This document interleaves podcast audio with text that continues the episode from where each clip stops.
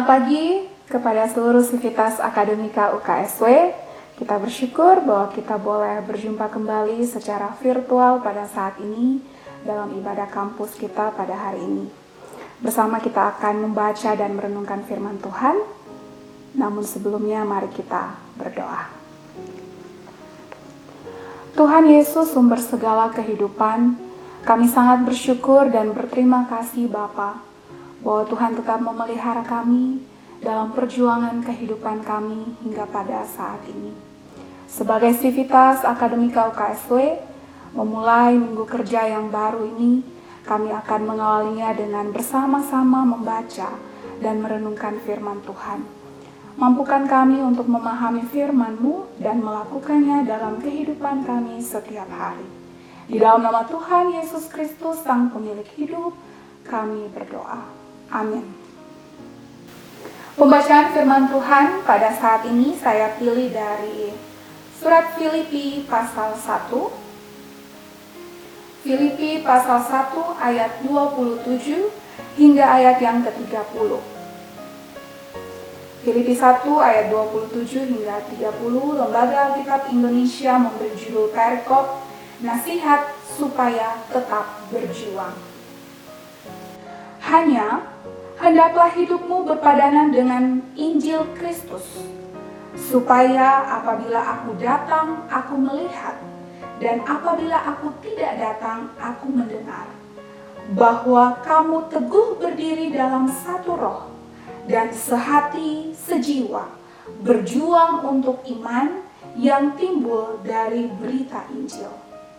Dengan tiada digentarkan sedikit pun oleh lawanmu, bagi mereka, semuanya itu adalah tanda kebinasaan, tetapi bagi kamu tanda keselamatan, dan itu datangnya dari Allah.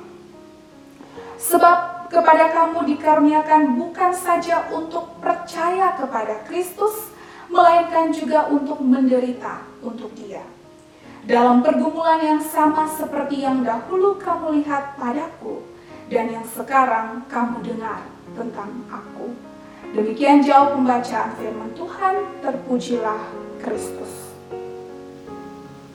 Shalom, Sivitas Akademika yang terkasih di mana pun berada. Salam sehat untuk kita semua dan kiranya kita semua tetap bersuka cita.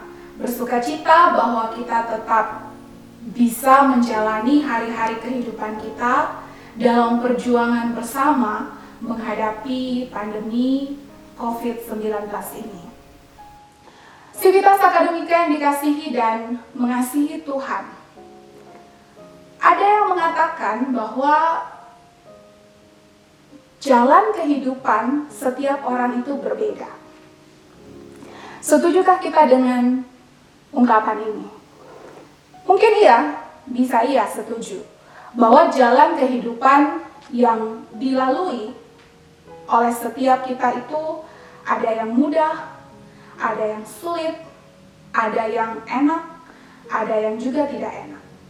Tetapi di sisi lain juga mungkin tidak setuju. Di balik jalan yang sama itu tadi, tiap-tiap orang punya respon, punya cara, punya metode sendiri menjalani jalan yang sama tadi. Jalannya sama, sama lurus berarti mudah, sama belok berarti sulit. Ada yang tanjakan, ada yang turunan. Sama jalan yang ditapaki, tapi cara menapaki itu yang berbeda. Semua ini bergantung dari yang namanya perjuangan dalam hidup. Pasti kita semua juga setuju tentang ungkapan bahwa hidup itu adalah perjuangan. Setiap orang yang mau mencapai sesuatu dalam hidupnya harus berjuang. Tanpa perjuangan, sesuatu yang diinginkan hanyalah sebatas angan-angan dan keinginan semata. Di masa pandemi semua orang saat ini sedang berjuang. Berjuang untuk tetap bisa memenuhi kebutuhan hidup keluarga. Di tengah banyaknya orang-orang yang harus kehilangan pekerjaan karena dirumahkan. Ketika dirumahkan mereka berjuang untuk bisa tetap memenuhi kebutuhan rumah mereka berpikir bagaimana caranya untuk mencari pekerjaan yang baru, join dengan rekan atau teman lama yang bagi mereka mungkin bisa membantu mereka memenuhi kebutuhan kehidupan mereka. Di sisi lain, kita sebagai dosen, mahasiswa, juga supaya proses belajar mengajar tetap bisa kita lakukan Walaupun memang perjuangan kita beda-beda. Bagi yang di kota dengan sinyal yang enak, bahkan mungkin merasa tidak berjuang, ya paling bayar kuota saja. Yang di pelosok-pelosok berjuang dengan kuota, tapi juga harus berjuang mencari sinyal. Beberapa mahasiswa saya ada yang pergi ke gunung dulu, panjat pohon dulu, supaya bisa mendapatkan sinyal. Segala sesuatu harus diperjuangkan.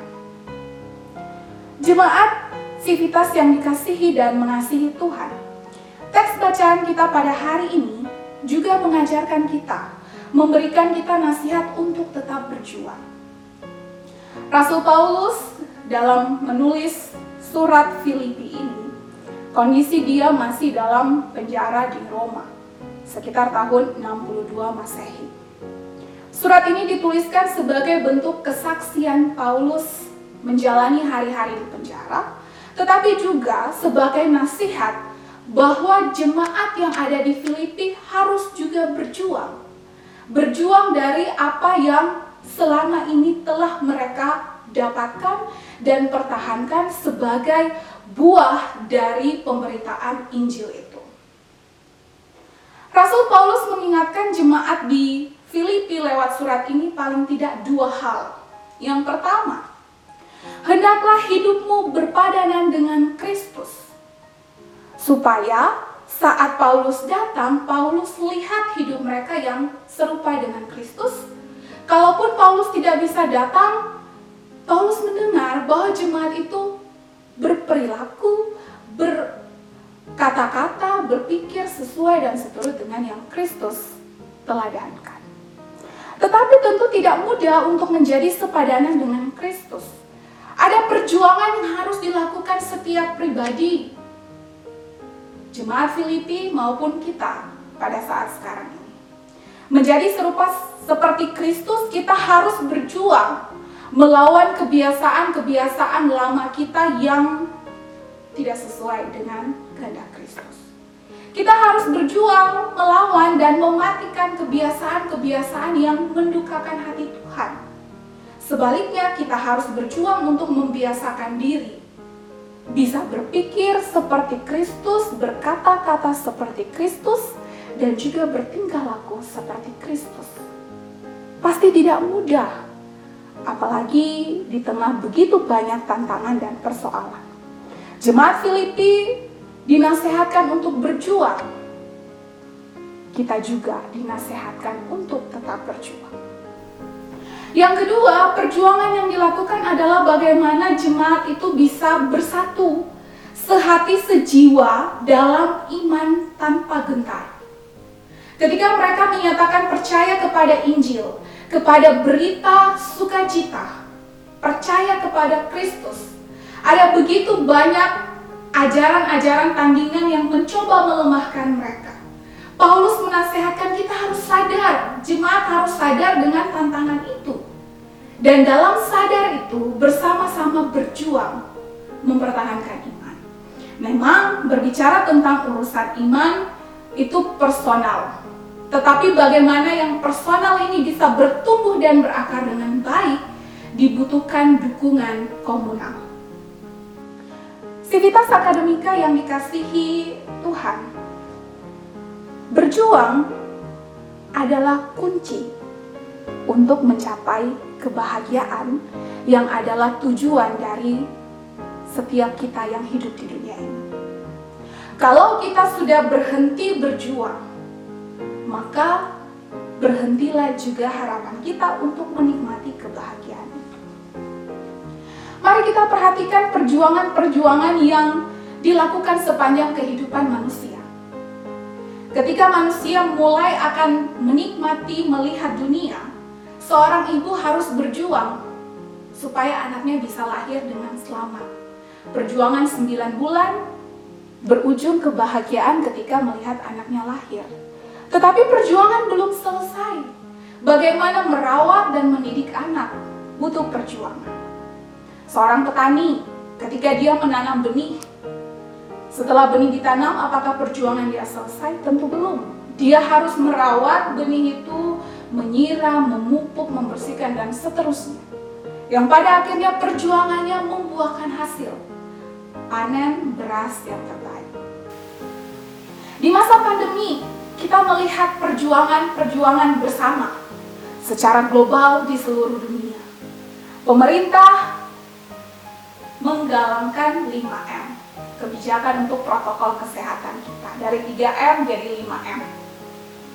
Apakah kita bersama-sama berjuang melakukan itu? Selain itu, pemerintah juga berjuang supaya vaksin ini bisa diberikan kepada masyarakat. Sekarang secara bertahap sudah mulai diberikan. Tapi perjuangan tidak selesai. Kita masih harus terus berjuang, terus berjuang untuk mengendalikan diri, menjaga diri kita supaya kita tidak kena. Kalau kita tidak kena, kita tidak juga menyebarkan kepada orang lain. Setiap perjuangan tidak pernah sia-sia kalau perjuangan itu dilakukan dengan sungguh-sungguh. Kalau belum berhasil, mungkin ada yang salah dengan perjuangan kita. Mungkin kita tidak benar-benar berjuang, atau kita belum maksimal dalam perjuangan itu. Contoh perjuangan yang sejati sudah kita lihat, apalagi sekarang kita sedang um, memasuki dan menjalani minggu-minggu prapaskah. Sebentar lagi kita akan merayakan Paskah. Perjuangan sejati kita dapatkan, kita dapat lihat dari misi penyelamatan yang Yesus lakukan. Inilah sebenarnya inti dari kabar baik, dari Injil yang juga diterima oleh jemaat di Filipi. Bahwa Tuhan mengasihi kita, mengasihi saya dan seluruh aktivitas akademika UKSW. Allah datang sebagai manusia dalam pelayanannya, dalam pembuktian cintanya, Allah berjuang di dalam Yesus Kristus melalui via dolorosa, memikul salib yang berat, dia dihina, dia disiksa, dia diludahi, dicemooh. Dia melalui itu semua, juru selamat kita melalui itu semua untuk keselamatan kita. Bagaimana dengan hidup kita sekarang ini? Sudahkah kita mensyukuri dan menghargai perjuangan kasih karunia yang Allah berikan kepada kita? Berjuang untuk tetap bisa bertahan, mempertahankan iman percaya kita di masa susah. Saat pandemi seperti sekarang ini, ekonomi terjepit, mampukah kita tetap bertahan melakukan hal-hal yang baik dan benar? Atau kemudian kita melonggarkan iman kita untuk mencoba hal-hal yang kurang baik supaya kita merasa lebih terjamin secara materi. Perjuangan kita bukan hanya perjuangan yang bersifat lahiriah tetapi juga secara rohani. Bagaimana kita berjuang supaya balance, seimbang. Kebutuhan jasmani kita kita perjuangkan, tapi rohani kita juga kita perjuangkan untuk tetap kuat, tetap bertahan, bahkan bertumbuh dengan lebih baik. Mari sivitas akademika yang terkasih, apa pun dan bagaimanapun kondisi kehidupan kita. Ada begitu banyak rencana secara personal maupun komunal sebagai unit bahkan universitas ini. Mari kita bersama-sama tetap mengandalkan Tuhan dalam perjuangan-perjuangan kita. Tetaplah berjuang bersama dengan Tuhan. Amin.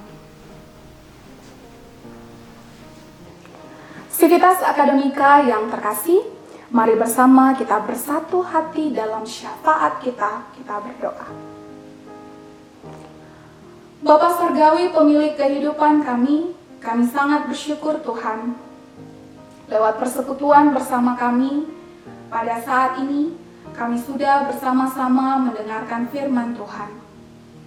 Biar firman-Mu menjadi petunjuk bagi jalan kehidupan kami supaya kami benar-benar tetap berjuang dalam segala kehidupan yang kami jalani. Berjuang dengan kekuatan yang daripada Tuhan. Dan biar kiranya firman Tuhan dapat kami lakukan dalam hidup kami setiap hari. Dalam syafaat kami ini Bapa, bersatu hati kami berdoa, mendoakan kampus kami, Universitas Kristen Satya Wacana. Biar kiranya Tuhan anugerah yang daripadamu memimpin setiap perjalanan kehidupan universitas kami. Berkatilah pimpinan universitas kami, dari Bapak Rektor, Pembantu Rektor, dan juga untuk semua pimpinan di masing-masing unit dan fakultas. Biar dapat menjalankan kepemimpinan dengan penuh hikmat yang daripada Tuhan. Kami juga berdoa bagi setiap mahasiswa kami di Universitas Kristen Satya Wacana ini. Setiap pergumulan yang dihadapi, Tuhan tolong berikanlah jalan keluar yang terbaik. Berdoa kami bagi setiap mahasiswa kami yang sedang berjuang. Jika pada saat ini mereka sedang sakit, Tuhan jamah dan berkati, pulihkan dan sembuhkan. Segala bentuk pengobatan yang diberikan kiranya membantu mereka untuk proses kesembuhan. Juga berdoa kami untuk setiap orang tua dari mahasiswa, mahasiswi kami di mana pun berada. Tuhan berkati usaha dan kerja mereka untuk dapat mencukupkan kebutuhan kehidupan mahasiswa-mahasiswi kami dalam perjuangan studi mereka. Kami tetap mendoakan juga ya Bapak untuk bangsa dan negara kami. Biar kiranya bangsa dan negara kami tetap dalam perlindungan Tuhan segala macam kemelut dan persoalan yang dihadapi negara kami, kami mohon Tuhan berikanlah jalan keluar yang terbaik. Terima kasih ya Bapa di minggu kerja yang baru yang akan kami jalani ini. Kami taruh serahkan dalam tangan Tuhan, biar semua dapat berjalan dengan baik, sesuai seturut dengan kehendak Tuhan saja. Ini doa kami, syafaat kami Bapa.